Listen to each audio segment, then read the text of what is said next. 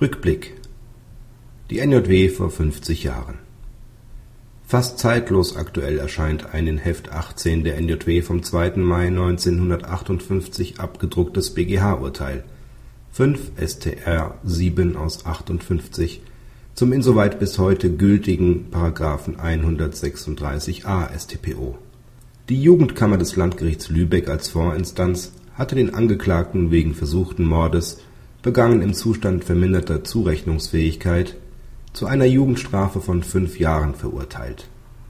Die Revision, wobei es unklar bleibt, ob die Staatsanwaltschaft oder die Verteidigung sie führte, beanstandete, wie der BgH feststellte mit Recht, dass der medizinische Sachverständige, den die Jugendkammer zur Frage der Zurechnungsfähigkeit und der strafrechtlichen Verantwortlichkeit des Angeklagten gehört hat diesen bei der Untersuchung im Ermittlungsverfahren durch Verabreichung von Pervitin zum Reden gebracht habe.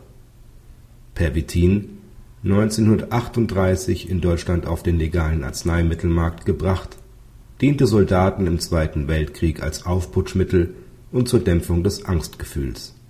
Nach 50 Jahren 1988 als Fertigarzneimittel vom legalen Markt genommen, ist sein Wirkstoff Methamphetamin heute eine in der Drogenszene als Crystal Speed bekannte Schwarzmarktdroge.